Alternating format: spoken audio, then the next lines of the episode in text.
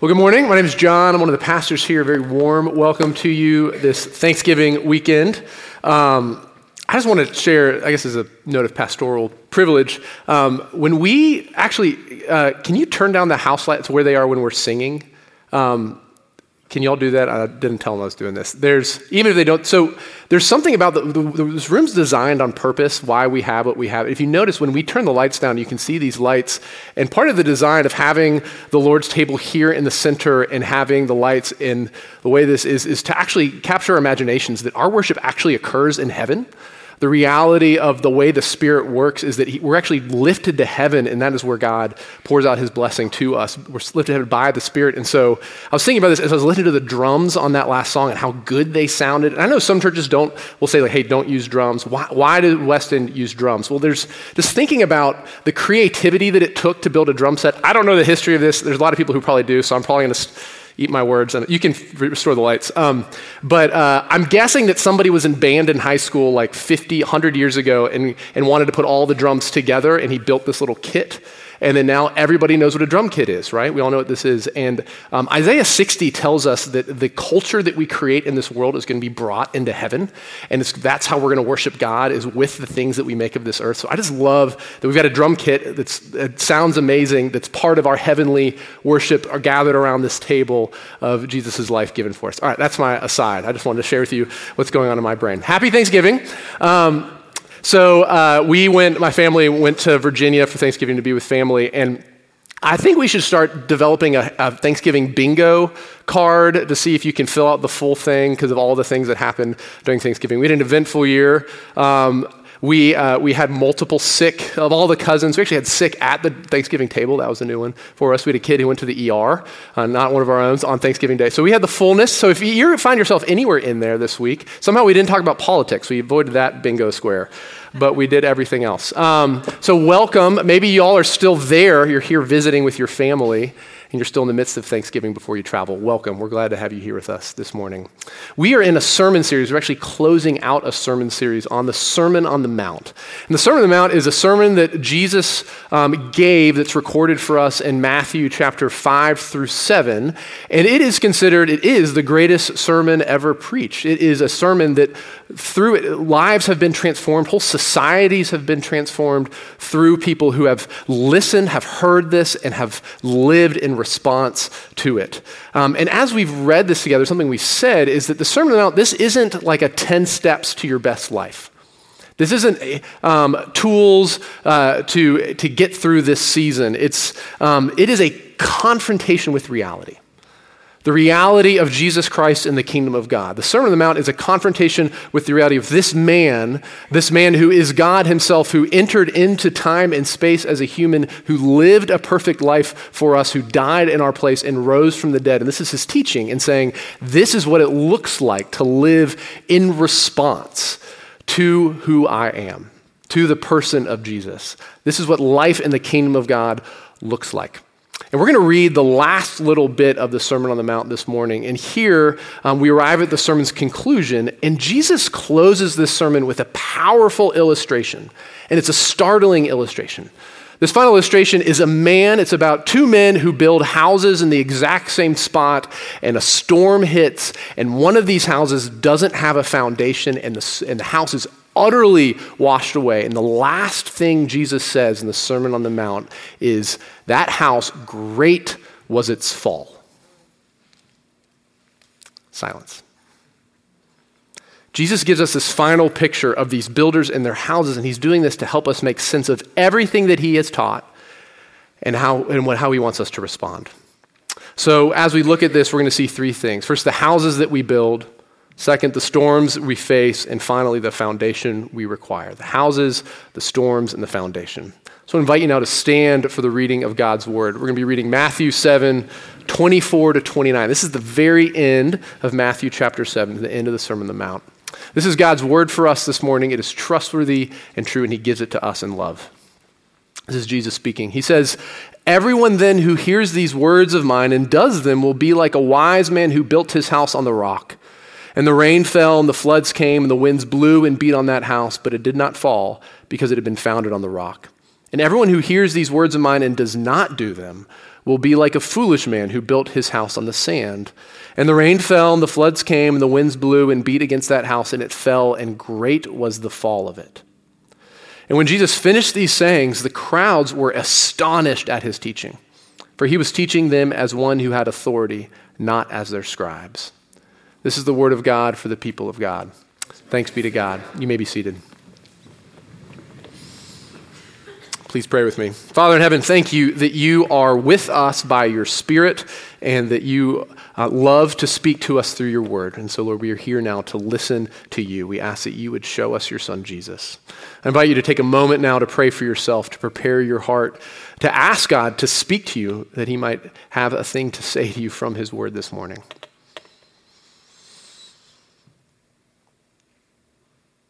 I invite you now to pray for those who are sitting around you.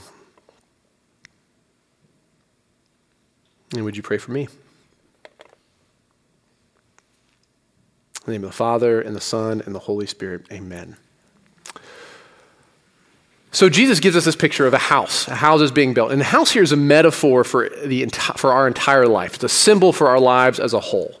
And so by closing the Sermon on the Mount with this picture, Jesus is asking, he's asking, what kind of life are you building? Interestingly, if we look close here, we notice that both the houses that are built are identical. They appear to be completely identical. They're even built in the same place, they're in the same neighborhood. But Jesus tells us that one of these builders is wise and the other one is foolish, saying, really, there are only two ways to build a life. There's a wise way to build a life and a foolish way to build a life. And he's using this picture to invite us to, to consider that, that we would ask ourselves, Am I the wise builder or am I the foolish one?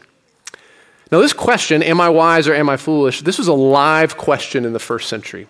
In, in the Jewish world, um, this was very much a question that people were asking. The, the first eight chapters of the book of Proverbs take up this question How do I become wise? And in the Greek world, this is a question uh, that people were asking. Socrates famously asked, or famously said, The unexamined life is not worth living. So, with this picture, Jesus is tapping into the main currents of both Jewish and Greek cultures of his day, asking this question What does it mean to be wise? How do I live the good life? How do I build my life, build a life for myself that's worth living? How do I live the dream? How do I aim my life in the right direction? This is a question that every healthy civilization asks. How do I build a life worth living? What is the good life? What is the beautiful life? And so Jesus gives us this parable of building a home. And interestingly, he tells us nothing about the house. No details. He only gives us uh, details on the builders. And looking back at what we've seen in the Sermon on the Mount together, Jesus would say that the house worth building, the life worth living, isn't a life of chasing wealth or worldly success, but rather a life, a house framed out with the principles that God has given us. The, li- the good life is a life of discipleship to Jesus, a life of apprenticeship to the Master, of obedience to the Ten Commandments, of living the Beatitudes again and again and again and again.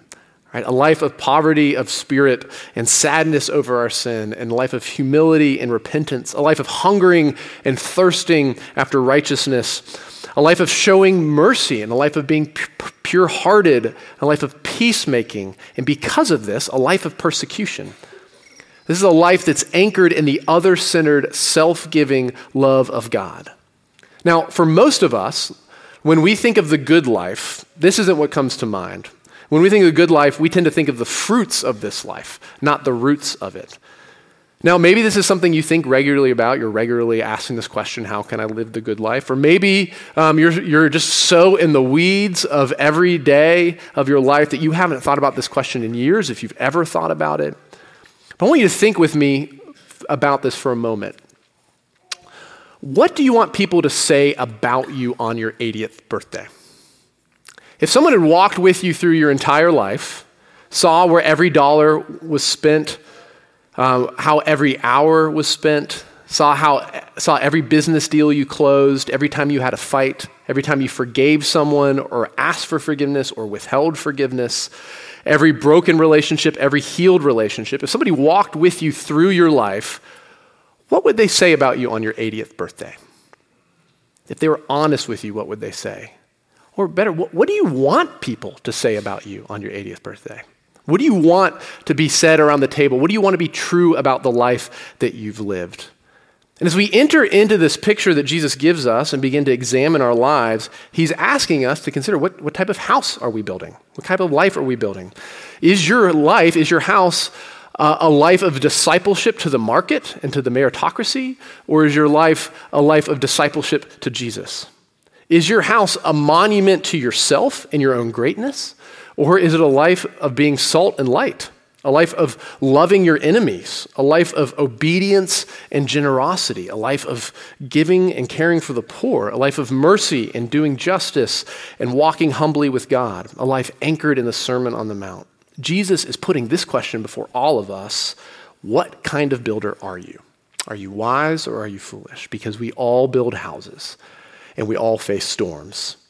And all of us face the same storms rain, floods, wind, all of us. This is, this is a really honest picture that Jesus is painting for us. I've heard it said that um, all of us are, have a relation, one of three relationships with the storm. We're either entering into a storm, we're in the storm, or we're exiting a storm but there's always a storm. This is because we live in a fallen world. You should expect your life to be a storm wind, rain, floods. This is the norm until Jesus returns to make all things new. And what do storms do? Storms disorient us. They remind us that we're not in control. They reveal the illusion that uh, the reality that control is an illusion. And Jesus is underscoring here that storms are inevitable. Now, we need to hear this because we are often tempted to move through life in such a way that when we encounter storms, we think that something's wrong. And Jesus is saying, no, storms have nothing to do with your foundation. They have nothing to do with your house. They're part of life in a fallen world. And this really pushes us on how we imagine the way our lives, how we think our lives should be, how they, should, they are supposed to be, right? We think or we act like if we build a strong enough house, we're not going to face storms. And that's just not true. Kate Bowler, um, who teaches at Duke, recently wrote a book on the history of the prosperity gospel. She's in her 40s, and when she was 35, right after giving birth to a child, she was diagnosed with an incurable cancer. And this, as you can imagine, upended her life. Um, and this all happened while she was studying the prosperity gospel, which, if you're unfamiliar with it, the prosperity gospel teaches um, it's not, it's, it's a false gospel. And it teaches that God's greatest desire is to bless you with health and to bless you with wealth. And she realized as she got her di- cancer diagnosis that this had crept into her heart and mind. Um, it, it, and she began to believe this for herself. She says, she writes about how easy it is to see Jesus as the key that unlocks the easy life, unlocks the door to the easy life that we all want. So she was interviewed by the New York Times in the spring of 2020. So during lockdown, she did this interview for the New York Times. And I want to read you some, something she said. She said, The idea that we're all supposed to be positive all the time has become an American obsession. It gives momentum and purpose to us to feel like the best is yet to come. But the problem is when it becomes a kind of poison in which it expects that people who are suffering, which is pretty much everyone right now, that people who are suffering are somehow always supposed to find the silver lining or not speak realistically about their circumstances. The main problem is that this attitude adds shame to suffering by just requiring everyone to be prescriptively joyful. She says, if I see one more millionaire on Instagram yell that she's choosing joy while selling journals in which stay at home moms are supposed to write their joy mantras, I'm going to lose my mind. Here's what she's saying no matter where you build your house, storms will hit your home, they will hit your life. Death, cancer, suffering, job loss, death of a loved one, moral failure, bankruptcy. And the storm does not mean that God is not with you. God does not promise to protect us from the storm. He promises to be our protection in the midst of the storm. So the Christian life is not a promise of life with no trouble at all, but the promise of His presence with you in all of your trouble. Jesus said it himself. He said, In the world you will have trouble, but take heart. I have overcome the world. So when the storms come, which they will, and you might find yourself in one this morning, when the storms come, it isn't a sign that Jesus has abandoned you. No, it's a reminder that he's with you, that he will never leave you or forsake you. And he holds you fast with such a grip that no storm can snatch you from his hand. So, a question for you, for us How do you endure the storm knowing that Jesus is with you? Are you equipped when everything is stripped away to be like Job and say, The Lord gave, the Lord takes away, blessed be the name of the Lord? Do you have this foundation to weather the real storms that will assail you, to weather the storms that are coming at you right now? This is what Jesus is saying. He's saying we're all in the storm. And in this picture that Jesus gives us, there's one house that stands, and then the other house washes away. It doesn't matter what you put in that house, it doesn't matter how big or strong the fence that you build around it. It doesn't matter what your house looked like, meaning it doesn't matter how successful you were or where you went to school or how beautiful or put together you were. In the end, the only thing that mattered is the foundation. So the question is how do you build a house? How do you build a life that can weather the storm when you lose a loved one, when you lose a loved one to tragedy, when your body is ravaged by cancer, or when the storm is one of your own making, when you fall to temptation and you hurt those who are closest to you, when out of your own fear or pride you make a decision that wrecks all of the good things in your life. How do you build a home? How do you build a life that stands strong and doesn't fall? And Jesus says it's all about your foundation. And this is what Jesus is ultimately concerned with for you. What is your house built on? Where are you building your life? Do you have the foundation that can weather all of the storms? Um, our, ch- our children's childhood has been filled with Legos. And um, when our older two were younger, our youngest, when he was a toddler, he was like a storm to anything they built, right? They'd build a little Lego tower and he would be the storm to knock it down. And something we learned is that he is very good at testing foundations. we know whether or not it was well built, whether or not George would come through and be able to knock the whole thing down. Jesus is saying if you want to know your foundation, the storms are always going to reveal it. When you are building your life, what you're building your life on is going to come to light in the midst of your storms. The wisdom of your life or the folly of your life will be revealed in your foundation. And look at how Jesus speaks of each. The wise build their life on the foundation of the rock, on the life and teaching of Jesus. And the foolish, Jesus says, they hear Jesus' words, but they don't do anything with them. Now, Jesus doesn't say why they don't listen to him. This picture is open ended on purpose, and it leads us to ask which, which builder am I? Who am I in the story? Am I the wise builder or am I the foolish builder? Now, in the short run, we can't tell the difference, right? Both houses look exactly the same, same architect, same floor plan, same trim. You cannot tell the difference in these two houses. The only difference is in the foundation. And Jesus says the only house that will stand the test of time is the one with the true foundation. Now, since all of us are in church hearing this, it's easy for us to think that since we're here, we've got this foundation. Our tendency when we listen to something like this is to think that the distinction Jesus is making is between those who are in church, church going person, and somebody who has a different set of habits and priorities on a Sunday morning. The, the person who isn't religious, who doesn't go to church, they're the ones whose foundation will wash away. But the person who is religious, the, their life, their house, that's what's going to stand up. It's about having the right habits and the right morals and the right ethical principles to guide you. Dr. Martyn Lloyd-Jones, um, writing on this passage, says that if you organize your life around church and Christian things, your life will look absolutely identical to someone with a true foundation. You can pray the same prayers. You can use the same religious language. You can read the same books. You can have the same care for the poor. You can give the same amount of money away. Your houses will look identical. You can have identical houses, but have completely different foundations. From the outside, even under close scrutiny, you cannot tell the difference between these two houses. But Jesus says there is one difference, and the difference between these two houses is how deep the foundation goes.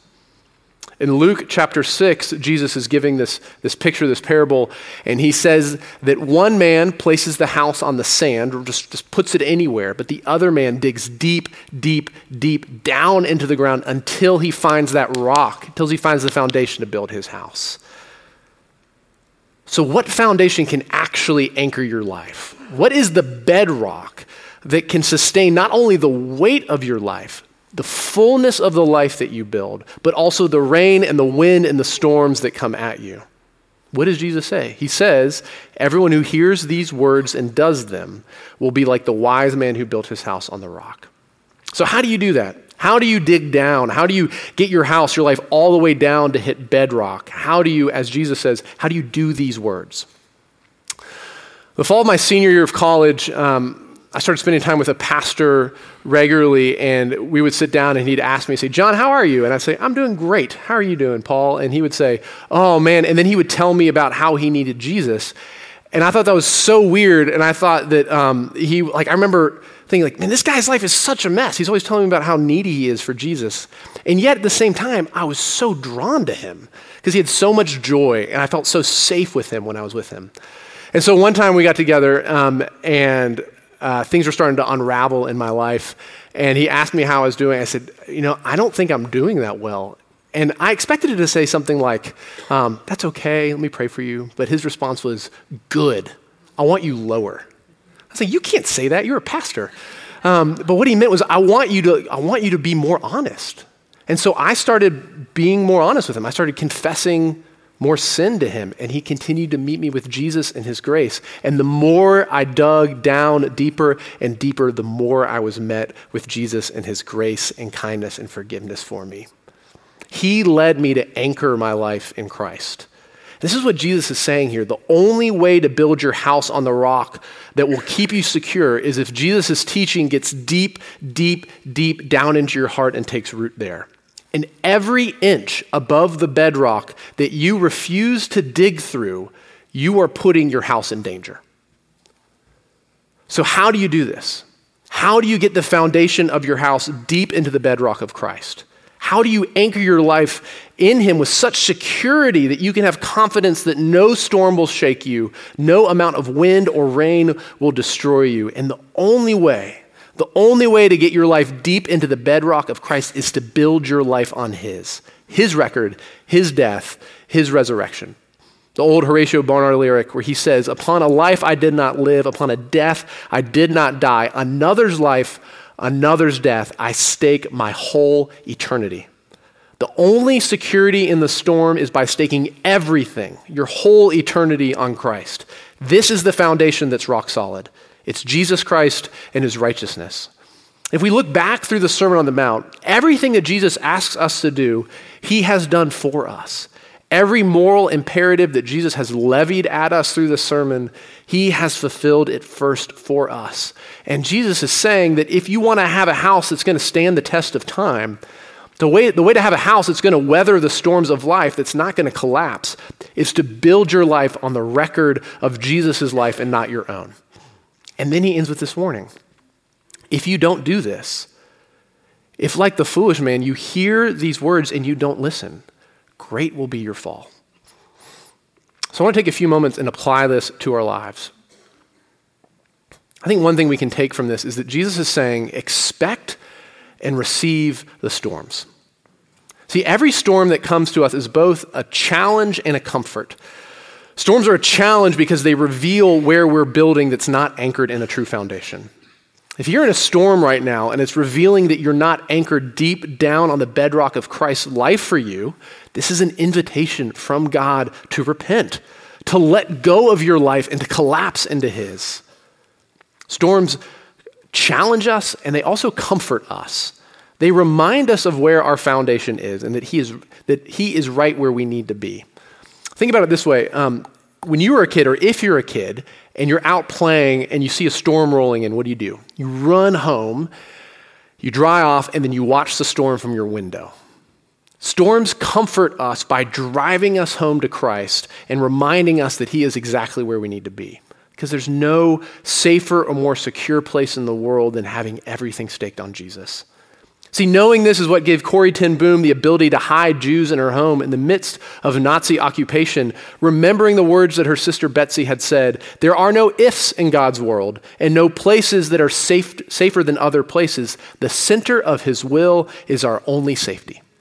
And knowing this is what led Charles Spurgeon, the great 19th century British preacher, to say, I have learned to kiss the waves that throw me against the rock of ages. See, when we understand this, it gets us to a place of ultimate security and freedom.